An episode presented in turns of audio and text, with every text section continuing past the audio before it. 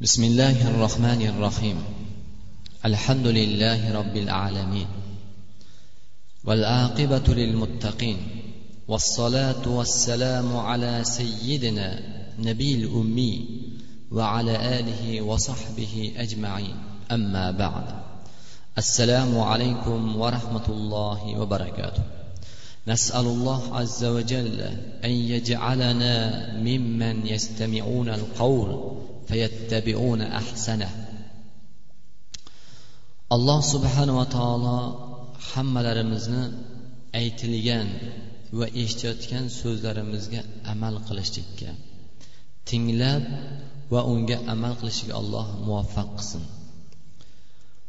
Ato ibn ribah rahmatulloh alayhi aytgan ekanlarki majlisu zikr ya'ni zikrda allohni eslab rasulini salovat aytib oyat hadislar bilan chiroyli so'zlar bilan o'tirilgan majlis yukaffiru ya'ni sabaina majlisi lahu ya'ni yetmishta lahu behuda befoyda so'zlarni so'zlashib o'tirgan majlisga kaforat bo'ladi degan ekan.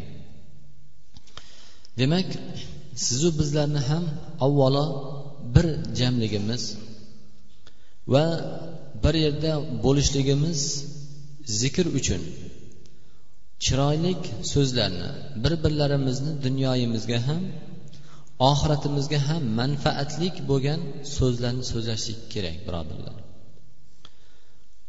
Nima uchun? Ya'ni bitta bir marotaba allohning ya'ni zikr qilib o'tirilgan majlis yetmishta lag'u lahu bilan o'tgan majlisga kafforat bo'ladi. Sabab vallohu alam alloh subhanava taolo azizlar bandaning qalbi qaysi bir soniyada hidoyat uchun ochiq? Qaysi bir soniyada bandalarning qalbini olloh o'zi rozi bo'ladigan yo'lga muvaffaq qiladi. Ana shu soniyalarga to'g'ri kelib va ana shu zikr aytilgan so'zlarda majlisda birontasi ta'sir qilib hidoyatga kirishga sabab bo'lib qolar ekan. Shuning uchun sizu bizlarga targ'ib rag'batlantirilgan. Bizlarni bu allohning marhamatiga undalgan so'z hikmati mana shunda bo'lsa kerak. Demak alloh subhanava taolo sizu bizlarni bu jamligimizni haqiqiy avvalo qalblarimizni zikr uchun allohni ibodati uchun jam bo'lishlikka niyatlarimizni xolis qilsin. O'zlarimizni alloh solihin va muslihinlardan qilsin. Azizlar bu jumamizda demak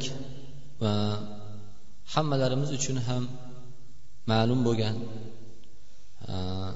alloh subhanava taoloning ne'matlarini va allohning bebaho bo'lgan ne'mati iymon ne'matini olloh sizu bizlarga berdi. Bu ne'matni oldida azizlar hech narsa barobar kelmaydi. Agar rasululloh sollallohu alayhi vasallam aytdilarki qiyomat kunida alloh subhanava taolo bandalar hisob qilinadigan kun hamma yalang'och. Ularda hech narsa yo'q. Faqat ko'zlari dahshat qo'rquvda bo'lgan holatda. Ularni oldida faqat allohning hisobi hech bir na farzandlar na moli dunyolar hech bir na ota ona aka ukalar yoru birodarlar manfaati tegmaydigan kunda bandalar dahshatga tushadi. Olloh har bir bandasini birma bir o'rtada tarjimonsiz hisob qiladi.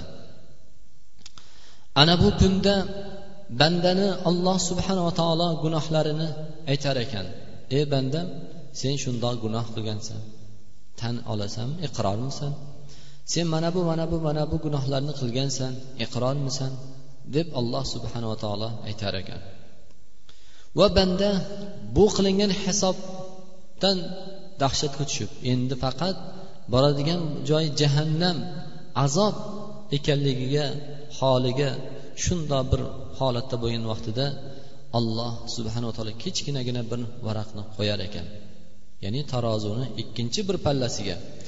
Bu ana shu kichkinagina varaq butun qilgan bu bandani gunohlariga gunohlaridan hammasidan og'ir kelar ekan. Bu qavl la ilaha illalloh dedilar. Ya'ni la ilaha illalloh kalimasi. Demak alloh qaysi bir bandasiga la ilaha illalloh kalimasini aytishlikka muvaffaq qilgan bo'lsa azizlar buni barobarinda hech narsani o'lchab bo'lmaydigan hech narsani buni qarshisiga qo'yib bo'lmaydigan ne'mat birodarlar. Bu dunyo matosi bu dunyo ne'matlari ham hech narsa birodarlar bu kalimaning qarshisiga barobar bo'lmaydigan narsa arzimas narsalar. Shuning uchun ham rasululloh sollallohu alayhi vasallam aytdilarki dunyo bu ollohning huzurida bitta pashshaning qanotichalik ham barobar emas dedilar. Ya'ni butun dunyo bu ko'rib turgan narsalarimiz dunyoda mujassam bo'lgan hamma mol dunyolar hech narsa birodarlar allohning huzurida bitta pashshaning qanotiga barobar kelmaydigan e'tibori yo'q narsa. Lekin alloh qarangki rahmati rasululloh sollallohu alayhi vasallam aytdilarki agar bu dunyo qadrli bo'lganda edi allohni huzurida kofirlarga hech qachon olloh bir luqma ham rixslantirmagan bo'lardi. Demak bu dunyoning allohning huzurida qadrsiz ekanligidan e'tibori yo'q ekanligidan buni olloh sizu biz uchun yaratganligi sababidan olloh hamma insoniyatni o'zi xohlagancha rixslantirar ekan. Alloh subhanava taolo qur'oni karimda bani adam. Olloh xitob qildi. Biz bani odamni ulug'lab qo'ydik. Darhaqiqat odam va uning zurriyotlari ulug'landi. Bu e'lon alloh tomonidan yetti qavat osmon ustidan butun mulk egasi bo'lgan haqiqiy har bir narsaga qodir bo'lgan zot e'lon qildi. Hozirlarga ham va o'tganlar va to qiyomatgacha keladigan barcha maxluqlariga bu ollohning e'loni doimiy abadiy bo'lib qoldi.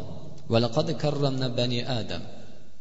Faqat olloh bu ulug'lanishligi odamga xos qildi insoniyatga xos qildi. Nima bilan? Insoniyatning ulug'lanishligi avvalo o'zlarini ichidan payg'ambarlar yubordi. Bu birodarlar ollohning ulug'lanishligi. Sizu bizga o'xshagan yeydigan ichadigan bizdan hech qayer bilan farq qilmaydigan insondan o'zlarimiz uchun olloh elchilarni yubordi. Ya'ni ularga vahiy nozil qildi. Ularga bu ulug'langan bandalariga haq yo'lni hidoyat yo'lini to'g'ri yo'lni ko'rsatishga buyurdi. Ular payg'ambarlar ya rasul balligh ma ilayk. Ey payg'ambar senga nozil bo'lgan narsani yetgin deb yetkazgin deb olloh buyurdi. Ular haqiqatan ham biron bir narsa qolmadiki olloh buyurgan bandalarni saodati dunyodagi oxiratdagi saodati allohning rahmatini topadigan yo'l birodarlar biron bir joyda ya'ni shubhalik yoki tushunmovchilik bo'ladigan joy qolmadi. Haqni haq nohaqni nohaq qilib ko'rsatib qo'ydi. Demak olloh bani odamni dunyoda ulug'ladi.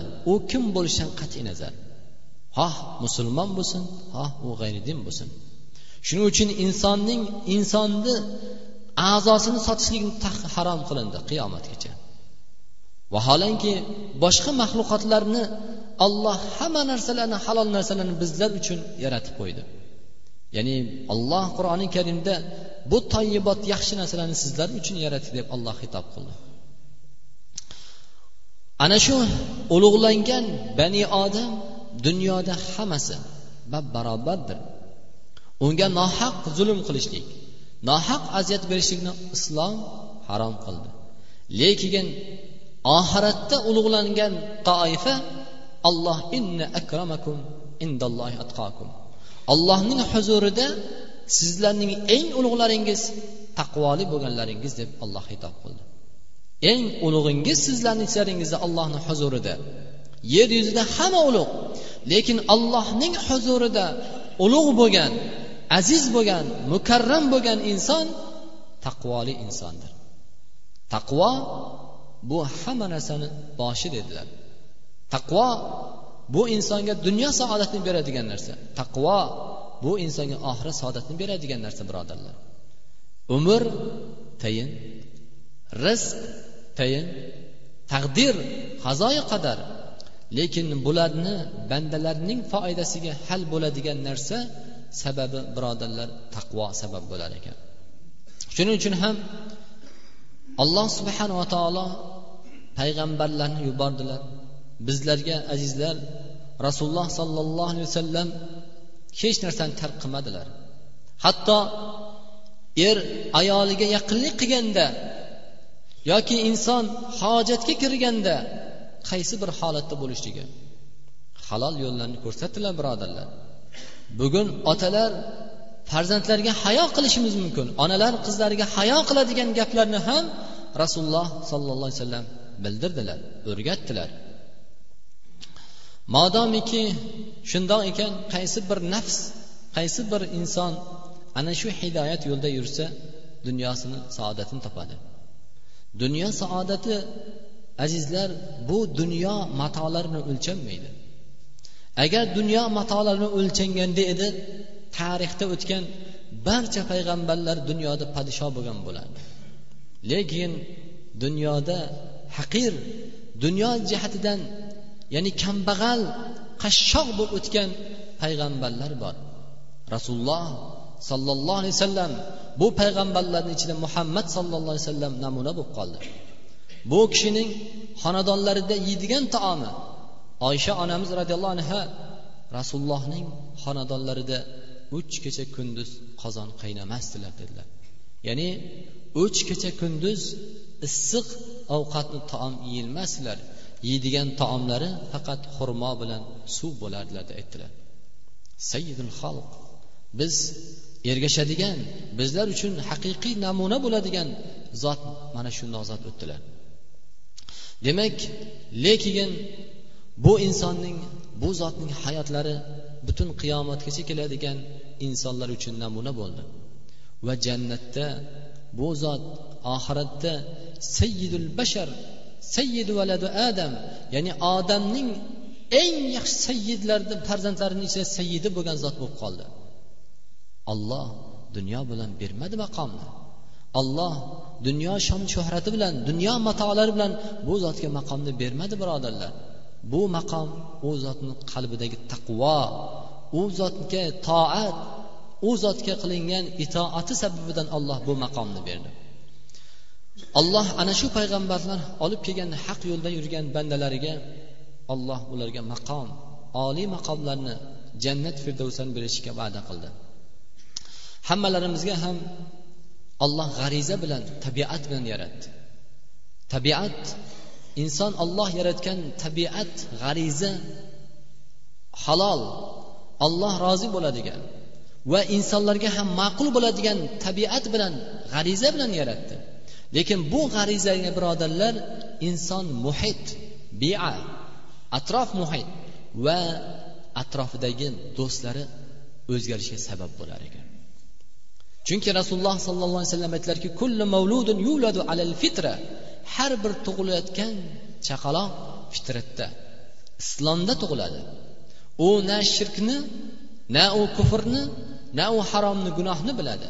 Ya'ni fitrat sof islom halol bir yo'lda holatda tug'iladi dunyoga keladi. Lekin abava muhit birodarlar atrof va suul qurana yondagi do'stlari atrofidagi oshna og'aynlari yomon bo'lishligi harom gunohda yo'lda yurishlik birodarlar ta'sir qilar ekan.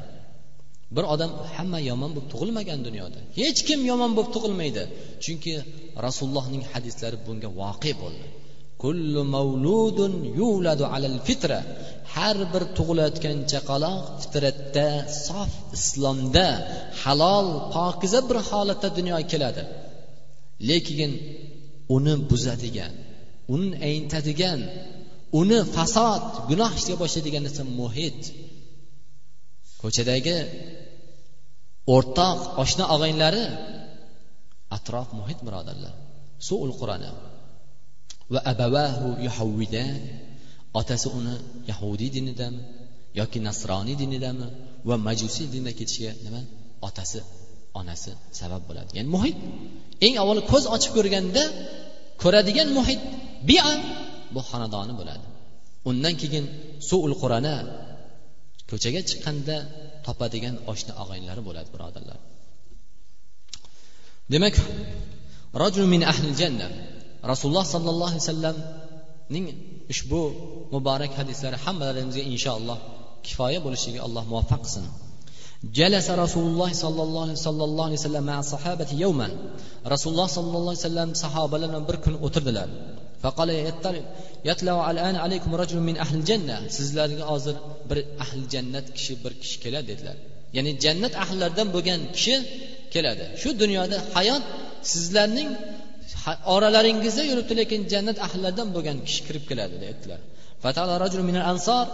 bir ansoriy kishi kirib keldi u kishini soqollaridan tahorat qilingan suvni ya'ni oqib turgan holatida. Va chap qo'lida oyoq kiyimini ushlab soqollaridan yangi tahorat olgan odam ya'ni soqoli ya'ni tahorat qilingandan keyin suv qandoq oqib tursa shundoq bir holatda kirib keldi. Nabiy sallallohu alayhi vasallam ertasiga ham xuddi shu narsani aytdilar. Sizlarga jannat ahllaridan bo'lgan bir kishi kirib keladi hozir keladi dedilar o'sha kishi keldilar uchinchi kuni ham mana shu so'zni aytdilar va uchinchi kuni ham o'sha ansoriy sahobiy kirib keldilar ya'ni birinchi kunda qanday holatda kelgan bo'lsa ikkinchi va uchinchi kunda ham shu holatda keldilar فلما قام النبي صلوات الله عليه تبعه عبد الله بن عمر rasululloh sollallohu alayhi vasallam o'rnidan turganlaridan keyin abdulloh ibn umar sahobiy yaxshilik bir solih amallarga qanday haris bo'lgan sahobalar. Yaxshi solih amallarga haris bo'lgan zotlar bo'lgan birodarlar. Bugun eshitib qo'yib huzurlanib qo'yishlik bilan emas eshitgan narsaga va ko'rgan yaxshi bir amal uchun ular haris bo'lgan shu narsani amal qilmagungacha qo'ldan chiqarmagan birodarlar.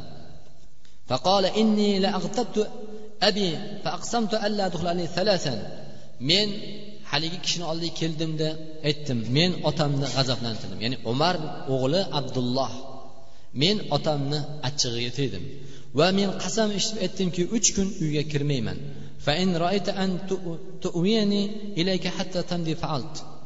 Ya'ni agar sen ruxsat beradigan bo'lsang uyingda joy berishlikka shu narsani uch kun ya'ni senikida men yotib tursam deb aytdim. Haligi kishi rozi bo'ldi. فبات عبد الله معه تلك الثلاث abdulloh وعبد الله بن عمر haligi jannat ahllaridan bo'lgan birodarini yer yuzida rasuli akram sollallohu alayhi vasallam bashorat bergan hayotlik vaqtda bashorat bergan bu zot uyida uch kun tunadim yaqumu shay'an ya'ni kechasida kecha ozgina o'rnidan turadilar va kechasi agar o'rinda yotgan o'rinda u yoq bu yoqqa almashadigan bo'lsa o'rnini ya'ni u yoq bu yoqqa yonboshlaydigan bo'lsa zakaralloh azza vajal ollohni eslaydi ekan. Ya'ni subhanalloh ollohni zikr qilar ekan kechasi o'rnini ya'ni u yoq bu yoq yonboshlagan vaqtlarda. Qola abdulloh ya'ni bu kishini so'zidan faqat yaxshi narsalarni ko'rdim. Biron bir yomon narsani so'kinishlar g'azablanish g'iybat hasad bo'lgan narsalarni men eshitmadim. Faqat eshitgan narsam yaxshi narsalarni eshitdim. Uch kun o'tgandan keyin men shu holatga keldimki shu odam jannat ahllari deb rasululloh bashorat bergan odam shu amalni qiladi. Ya'ni jannat bu bebaho narsa.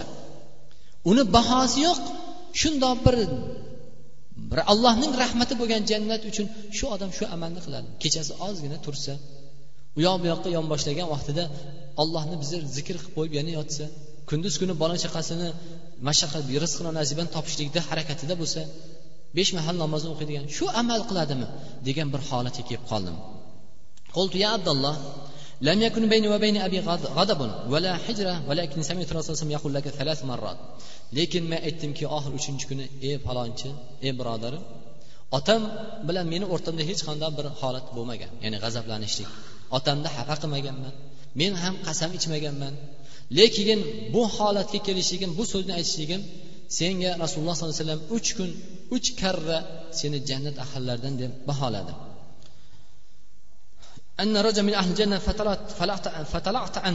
ya'ni uch kun aytganda ham uch kecha ya'ni uch kun uch marotaba sen o'zing o'sha eshikdan kirib kelding jannat ahli endi ya'ni bu senga bu narsani aytishligim otam bilan urushib qoldim senikida tunay deb aytishligimga sabab seni bir amalingni ko'rsam nima amal qilasan? Shu amalingni ko'rsam shu narsaga iqtido qilsam deb degan niyatda aytgan edim. ya'ni seni juda katta bir amal qilganingni ko'rmadim nima seni shu darajaga olib chiqdi rasululloh allohning rasuli sodiqil masduq haq so'zni aytadigan bu zotni so'zini aytishiga nima sabab amal qilding sen deb so'radim غير إني لا أجد في نفسي لأحد من المسلمين غشا ولا أحسن أحدا على خير أعطاه الله إياه Shu sen ko'rib turgan narsa. Meni hayotim shu. Illa inni men o'zimda bironta bir musulmonlarga nisbatan aldov topmayman. Ularga yolg'on gapirishdan ularga xiyonat qilishlikdan o'zimni saqlayman. Xiyonat qilmayman ularni aldamayman ha nasihatda bo'lsin. O'zimni foydamga kelsa to'g'ri so'zni so'zlab o'zimni foydamga kelganda to'g'ri so'zni so'zlab menga zarar bo'ladigan bo'lsa noto'g'ri botil so'zga o'tib ketadigan emasman. Haq so'zini musulmonlarni diniga ham dunyosiga ham xiyonat qilmaydigan so'z so'zlayman va bironta bir odamga olloh bergan yaxshilik uchun hasad qilmayman. Olloh unga bergan mol dunyo bo'lsin ilm bo'lsin iymon bo'lsin taqvo bo'lsin unga bergan olloh mansab shon shuhrat bo'lsin. Bir olloh tomonidan berilgan bu narsalar uchun men bironta bir odamga hasad qilmayman. Faqat abdulloh mana bu narsa seni shu darajaga ko'targan narsa demak shu ekan. Din yengil birodarlar dinimiz oson. Bironta bir birlarimizga xiyonat qilmasak aldov bo'lmasa bir birlarimizga hasad qilmasak bir birlarimizga g'iybat qilmasak bir birlarimizga olloh bergan ne'matlarga hasad bo'lmasa toatda ollohni besh mahal namoz bir kunda bu insonni qancha umrini oladi? Yillab kunlab umrimizni behuda o'tkazib yuboramiz. Lekin bu ibodat hech qancha vaqt olmaydi birodarlar. Sunnatga muvofiq qoyim qilib o'tkazganingizda yigirma to'rt soatingizni bir soatini oladi. Alloh bizlarga yigirma uch soatni berdi. Jasadimiz uchun jonimiz uchun yigirma uch soatni bizlar uchun olloh berdi. Bundan ham mehribonroq zot yo'qmi birodarlar? Alloh hammalarimizni iymondan ibodatda sobit qilsin.